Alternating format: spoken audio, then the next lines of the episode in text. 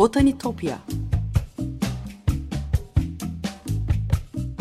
Sesli Doğa Tarihi Müzesi Bitkiler aleminin tuhaf ve muhteşem dünyasını belgeleyen botanik sanatına dair her şey. Hazırlayan ve sunan Benan Kapucu.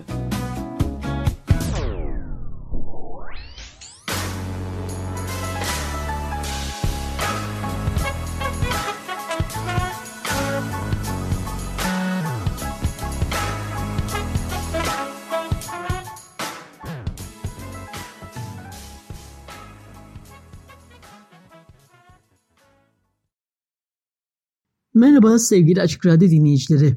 Botanitopya'ya, bitkiler aleminin tuhaf ve muhteşem dünyasına hoş geldiniz. Anlatıcınız ben Benan Kapucu. botanitopya.gmail.com elektronik posta adresinden ya da aynı adlı Twitter hesabından her zaman bana ulaşabilir. Yorumlarınızı, varsa anlatım konuya dair katkılarınızı paylaşabilirsiniz. Bazen burada anlatım hikayeleri, görsellerle, küçük özetlerle, e, kimi linklerle destekliyorum Twitter'dan. O yüzden takipte olursanız çok çok mutlu olurum. Eski program kayıtlarına Spotify'dan Açık Radyo Podcast'ı üzerinden alışma şansınız olduğunu da tekrar hatırlatmak isterim. Sevgili dinleyiciler bugün karpuzun hikayesini anlatacağım size. Dünyanın tüm lükslerinin başı, Tanrı'nın lütfu ve dünyanın tüm meyvelerin kralı. Onu tadınca meleklerin ne yediğini anlarsınız demiş Mark Twain onun için. Yaşar Kemal de Çukurova'nın bereketli topraklarını, şehirsel atmosferini neredeyse bir doğa sözü oluşturan bitkilerle anlatırken karpuz tarlalarından bahsetmeden geçemez. Bugün karpuz deyince aklımıza sulu, tatlı, kırmızı etli, dayanıklı bir meyve gelse de tarım ürünü olarak yetiştirildiği bin yıllık tarihin çoğunda nispeten yumuşak kabuklu, solgun, sert, bazen acı bir meyve olarak biliniyordu. E, bize tanıdık gelen içi kıpkırmızı kalın kabuklu karpuzların ortaya çıkması 1400 yılları bulmuştu. Dünyadaki tarihi boyunca karpuz insanlar için öncelikle e, yiyecek, ilaç, içecek kaynağı olmuş ama Afrika ile kölelikle bağlantısından olsa gerek kimi ırkçılık içeren söylemleri metaforlarından birine de dönüşmüş maalesef onu da konuşacağız. Botanik özelliklerine bakarsak karpuz bitkisi Latince adıyla Citrus lanatus kabakgiller familyasına ait yenebilen meyvesi olan çiçekli bir bitki türü. 5 bölümlü yaprakları 3 metreye kadar uzayabilen uzun, zayıf, tırmanıcı veya sürüncü gövdeleri olan e, bir yıllık bitki. Binden fazla varyetesi var. E, tropik bölgelerden ılıman bölgelere kadar elverişli iklimlerde yetişiyor. Karpuz dediğimizde genellikle Citrus lanatus'un tatlı kültivarlarını kastediyoruz. Ancak Citrus cinsinde ağaç kavunu, egusi ve ebu cehil karpuzu gibi türler de var. Günümüzde geniş bir coğrafya yayılmış durumda. En ikonik bileşeni yani yumuşak sulu meyve eti e, arkeolojik kalıntıya dönüşemediği için karpuzun tarihsel kökenleriyle ilgili kesin bilgiler yok. E, hala tartışılıyor bugün. E, karpuzun ana vatanının Afrika kıtası olduğunu biliyoruz. 1850'lerde İngiliz misyoner ve kaşif David Livingstone Güneybatı Afrika'nın Kalahari Çölü'nde yabani olarak yetişen karpuz asmalarını keşfetmişti.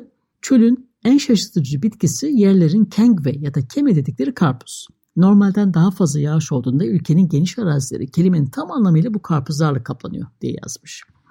Yabani karpuzların Afrika'daki kurak dönemler sırasında birçokları için önemli hatta bazen tek su kaynağı olduğunu da gözlemler. 1900'lerin başında Afrika'nın bir bölümünü haritalayan bir başka İngiliz kaşif, binbaşı Edward Keith Roach, yine National Geographic'in 1924 yılına ait bir sayısında karpuzların hayatını kurtardığını söylüyor. Ama bu arada süzülmüş karpuz suyu kullanarak yapılan çayın tırnak içinde gerçekten iğrenç olduğunu da ekliyordu. E, karpuzun kökenini araştıran arkeobotanikçiler Nil Vadisi'nin yakınlarında Sudan, Mısır, Etiyopya, Libya ve Kenya'da yabani çöl karpuzları bulmuş. Mısır mezarlarında ve Roma ve Bizans e, mozaiklerinde e, uzun karpuzların en eski ikonografilerine rastlanmış ki bu kültüre alınmış olduğunun göstergesi.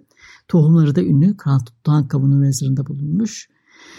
E, 4000 yıl öncesinde tarilen bir Mısır mezarında bir tepsi üzerinde büyük çizgili e, uzunlamasına e, bir meyve olan e, karpuzun bir freski de var.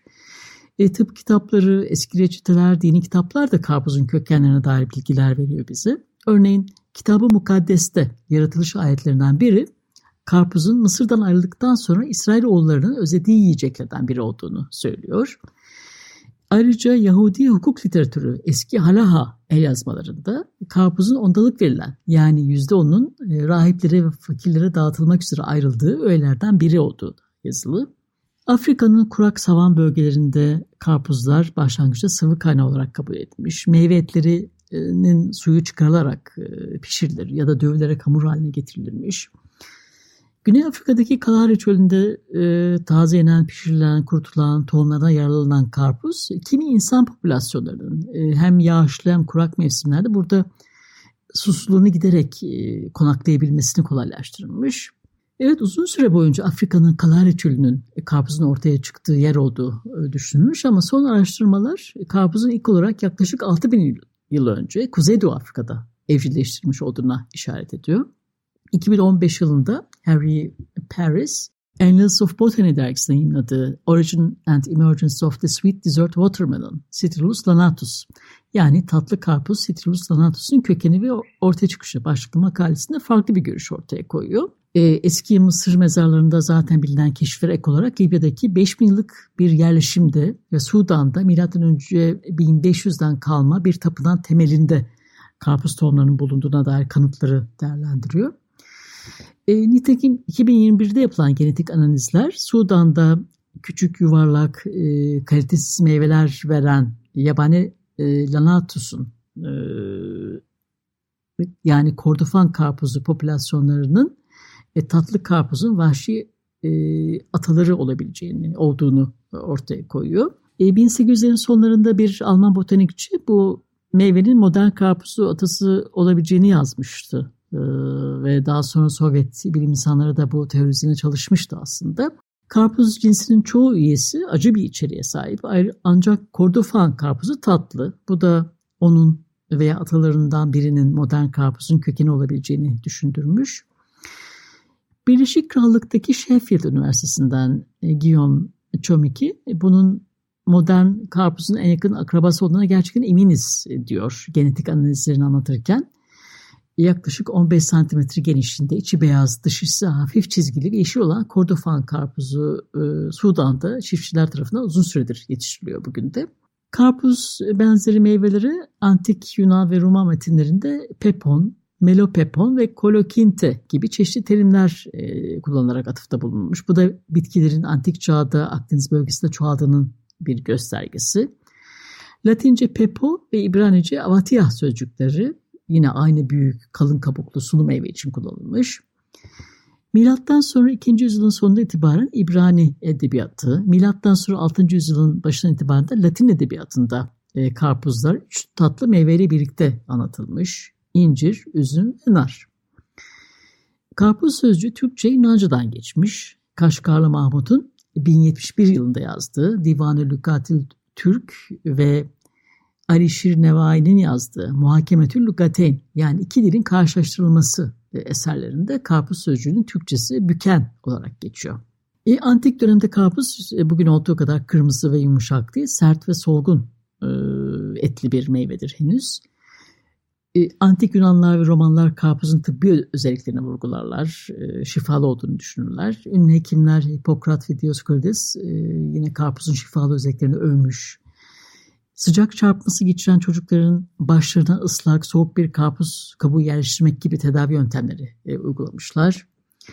Yaşlı Plinius Doğa Tarihi kitabına, kitabında Pepones dediği karpuzu da yer. E, onunla çok ferahlatıcı bir yemek yapıldığını, aynı zamanda müsil etkisi olduğunu, meyvenin çeşitli kısımlarının ağrı hafifletmek hatta cilt lekelerini temizlemek için kullanıldığını yazmış. Tatlı karpuzların ilk olarak milattan sonra 961'den biraz önce Mağribi İspanyası aracılığıyla Hindistan'a e, ve oradan İslami fetihler sayesinde Avrupa'ya, Çin'e yayıldığı düşünülüyordu. Ama Harry Paris e, bahsettiğim makalesinde karpuzun atalarına veya coğrafi kökenlerine dair bu bilgiyle uyuşmayan çok sayıda kanıt olduğunu söylüyor bize. Evet sevgili dinleyiciler bu noktada bir müzik arası verelim. Sonra hikayemize devam ederiz. Harry Styles'tan dinleyelim. Watermelon Sugar. Birkaç dakika sonra tekrar beraber olacağız. Merhabalar tekrar. 95.0 Açık Radyo'dasınız. Botanitopya'da Afrika'dan çıkıp tüm dünyaya yayılan karpuz bitkisini konuşuyoruz. 17. yüzyıla gelindiğinde karpuz Avrupa'da yaygın bir şekilde ekiliyordu. Kıtanın daha sıcak bölgelerinde tanıdık bir bahçe mahsulü haline gelmişti. Güney İtalya kökenli kimi resimli el yazmaları orada yetişen karpuz çeşitlerini de gösteriyor. E, Takuinum Sanitatis gibi erken dönem şifa kitaplarında karpuz tadımı yapan hasatçılar e, betimlenmiş örneğin. E, bu arada not olarak ekleyeyim. Batı'da Latince adıyla e, Takuinum Sanitatis olarak bilinen Takvim As-Siha aslında Bağdatlı İbni Butla'nın 11. yüzyıla ait bir tıp kitabı. Bilgili bir okuyucu kitlesini hedefleyen esas olarak sağlığa odaklanan bol resimli orta çağ özgü bir el yazması bu. Ee, bu el yazmalarındaki resimler e, kabakgillerinin kültüre alınma ve yayılma hikayesini evrimini anlamak açısından yararlı elbette ama ayrıntılı ve gerçekçi betimlendiği sürece. E, kimi karpuz e, resimlerine rastlıyoruz ama burada konuşuyoruz ama biliyorsunuz. Orta Çağ'a ait el yazmalarındaki e, bu resimler antik kitaplardakilerinin e, resimlerin kopyalarının kopyaları olduğu için taksonomik tanımlama yapılması zor. Türlerinin e, tanımlanmasına izin veren e, doğruluk gözetilerek yapılmış orijinal bitki çizimleri ancak Orta Çağ'ın sonlarında üretiliyor. Kuzey İtalya'da 14. E, yüzyılın sonlarına tarihlenen e, resimli el yazmalarında hem kırmızı etli tat, tatlı karpuzların hem de beyaz etli ağaç kavunlarının illüstrasyonuna rastlanıyor. Burada hep bahsettiğim Leonard Fuchs ve John Jarrett gibi Avrupa Rönesansı'nın botanikçileri kırmızı ve tatlı veya beyaz ve yavan etli olan iki ayrı çeşitli e, gözlemlemiş, anlatmış. En iyi karpuzların sıcak bölgelerde bulunduğunu kaydetmiş. Evrimle ilgili fikir edinilse de sadece bu tasvirlere dayanarak tam olarak hangi tarihte nereden Avrupa'ya girmiş olduğu tespit edilemiyor elbette. Eski kitaplar aynı zamanda bize karpuzların her zaman tatlı olmadığını da anlatıyor. E, Gerard The Herbal adlı eserinde karpuzun etli kısmının e, çiğ yenen ancak daha yaygın olarak kaynatılan e, pembe ve dayanıksız bir madde olarak tanımlamış. Bitkinin iyileştirici yönlerinden de bahsetmiş. Şöyle yazmış. Sulu bir kan üretiyor. İçerideki ateş hafifletiyor ve safranın keskinliğini yumuşatıyor ve hararetini azaltıyor. Ki Orta Çağ biliminde huysuz bir mizaç ile ilişkili olduğuna inanılan dört vücut sıvısından biridir safra. Karpuz e, Avrupa mutfak bahçelerinde yaygınlaştıkça natürmortlarda, e, ölü doğalarda da sıklıkla yer almaya başlıyor. Bolluk, bereket simgesi olarak. E, bazen de ortadan kesilmiş haliyle dünyevi varlığın gelip geçiciliğini anlatmak için e, resimlerde yer alıyor. Albert Eckhout ve Giovanni Stanchi gibi ressamlara ait e, meyvenin bol çekirdekli, beyaz kısmı yoğun halini betimleyen e, tablolar bu meyvenin antik çağlardan sonra ne kadar değiştiğini de e, gösteriyor bize. Karpuz bitkisinin ticaret yollarıyla taşınarak sırasıyla Hindistan'a ve Çin'e de yayıldığını söylemiştim ki Çin dünyanın en büyük karpuz üreticisi bugün. E, uzak Doğu kültüründe de karpuzun e, etkilerini görebiliyoruz. 14. yüzyıl Japon resimlerinde e, karpuzlar Budist geleneğinde Nirvana'ya ulaşan arhatların dinsel e, ataklarından biri olarak gösterilmiş. E, Kore'de e, Joseon Hanlığı döneminde kadın sanatçı Shin Saimdang'a ait bir resimde e, çiçekler, kelebekler ve farların yanında bereket sembolü olarak e, tohumları e, açık bir şekilde gösteren ta, karpuzlar da e, tasvir edilmiş. E, bugün yine e, 5000 wonluk e, Kore e, wonuna karşılık banknotta Shin'in karpuz tasvirlerinden biri var yine. Ve 16. yüzyılda yeni dünyaya da gelir karpuz. E, Avrupalı sömürgecilerin yanı sıra Afrika merkezli köle ticaretinin de bir parçası olduğu e, düşünülüyor. 1576 gibi erken bir tarihte Florida'da ve 1629'da Massachusetts'te tarım yapılmaya başlamış. E, Peru, Brezilya, Panama'da birçok İngiliz ve Hollanda kolonisinde karpuz plantasyonları kurulmuş. E, kolay yetiştirilen ve satılabilen karpuz 1863 Kurtuluş Bildirgesi'nden sonra özgürlüğüne kavuşan köleler için önemli bir gelir kaynağı olmuş. Afrikalı Amerikalıların e, plantasyon ekonomisinden kaçma potansiyelini simgeleyen karpuz e, kısa sürede beyaz Güneyliler tarafından bir tehdit olarak algılanmaya başlamış. Tam tersine karpuzu siyah insanların özgürlük ve vatandaşlık için uygun olmadığını anlatan bir metafor olarak kullanmaya başlamışlar. Plant Humanities orta yayınlanan e, Annie Lawrence Camilo Uribe Botta ve Mei Wang imzalı Watermelon Stereotypes of Race and Class Karpuz, ırk ve sınıf stereotipleri makalesi bu konuya odaklanıyor. Kimi bilgileri bu makaleden aktarıyorum size. E, karpuzun kimi özellikleri Afrikalı Amerikalılarla özdeştir, özdeşleştirmeye başlıyor. Hatta kimi temsiller grotesk denecek kadar abartılıdır. E, karpuzun yerken bulaşıyor olması dağınıklığı, pisliği çağrıştırıyordu. Büyümesi kolaydı o yüzden tembellik anlamına geliyordu. 19. yüzyıl gazeteleri gerçekmiş gibi görünen bu ırkçı mecazları tekrar eden haberler ve anekdotlarla doluydu.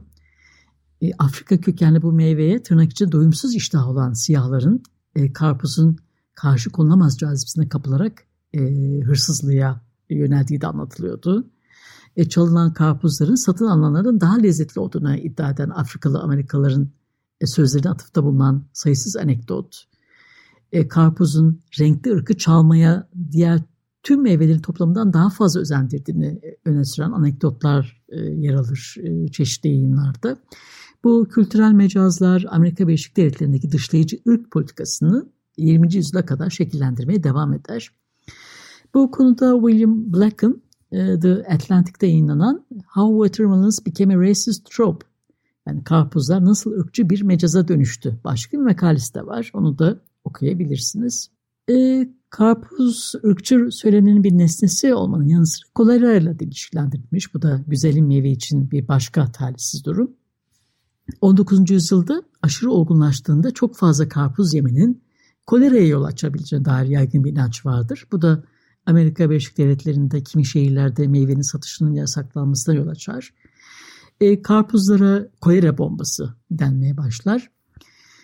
E, karpuz ve kolera arasındaki nedensellik ilişkisi muğlak olsa da kimi güncel kanıtlar e, tarlalar kompostlanmamış gübre veya kontamine gübreyle sulanmışsa çiğ meyve ve sebzelerin sık görülen bir kolera enfeksiyonu kaynağı olabileceğini gösteriyor e, bize. Amerika Birleşik Devletleri'nde e, kolera bulaşmasında karpuzların rolü ırksal alıntılara hizmet etmek için abartılmış olsa da e, benzer çağrışımlar dünyanın diğer bölgelerinde de yaygın. Örneğin 20. yüzyılın başında Kore'deki İngiliz maden sahipleri işçi kamplarında kolera salgınlarını önlemek için karpuzları yasaklamış. Koreli işçiler karpuzun hazımsızlığa iyi geldiğini düşündükleri beyaz kısımları birlikte tırnak içinde muazzam miktarlarla da e, tükettiği için e, belirli yiyecek türlerinin aşırı düşkünlüğe yönelik ırksallaştırılmış tutumlara bir başka örnek. E, kampanya kolera önlemede etkili olmuş ancak başarısının karpuz yasağından kaynaklanıp kaynaklanmadığı ise belirsiz.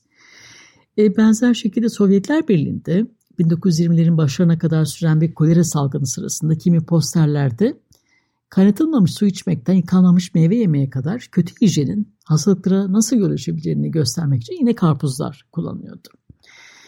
E, 20. yüzyılda ve özellikle 21. yüzyılın başlarında e, karpuzun yoğun bir şekilde metalaştırılması meyvenin görünümünü de değiştirir. Dünyanın birçok ülkesinde karpuzlar nakliye ve satış için daha istiflenebilmek adına daha küçük, daha yuvarlak ve daha tek biçimli hale gel gelir. E, 1980'lerden beri Japonya'da örneğin küp biçimli ya da kalp biçimli karpuzlar da üretilip çok daha yüksek fiyatlara satılıyor. Kalıpta yetiştiği için diğer karpuzlar kadar tatlanıp olgunlaşamadığı için e, neredeyse e, yalnızca dekoratif amaçlar için kullanılıyor bu karpuzlar. E, karpuz tarımında bir diğer önemli dönüşüm ise çekirdeksiz çeşitlerin üretilmiş olması. Çekirdeksiz karpuzların ticari üretimi 1990'larda başlamış. Bir kimyasal olan kolşisin kullanılarak elde edilen çekirdeksiz türün iki yerine üç kromozom setine sahip olacak şekilde melezlenmesiyle üretiliyor bu karpuzlar. Bu çekirdeksiz türler yeni ekolojik zorluklar da getiriyor tabii. Karpuz bitkileri arı ile tozlanıyor ve çekirdeksiz karpuz e, canlı polen oluşturmadığı için etkili tozlaşma için daha fazla arıya ihtiyaç duyuluyor.